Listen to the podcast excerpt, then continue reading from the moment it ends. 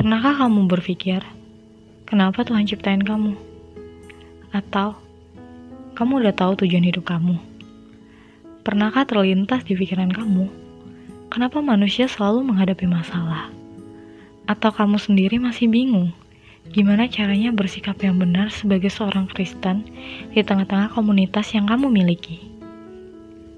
Hai, aku Riani Agave, bersama pastor-pastor muda lain akan nemenin kamu setiap minggunya di obrolan Kristen muda. Kita akan ngobrolin hal-hal seputar kehidupan anak muda, mulai dari keluarga, kerjaan, pergaulan, cinta, iman, dan lain-lain. Di obrolan Kristen Muda Indonesia.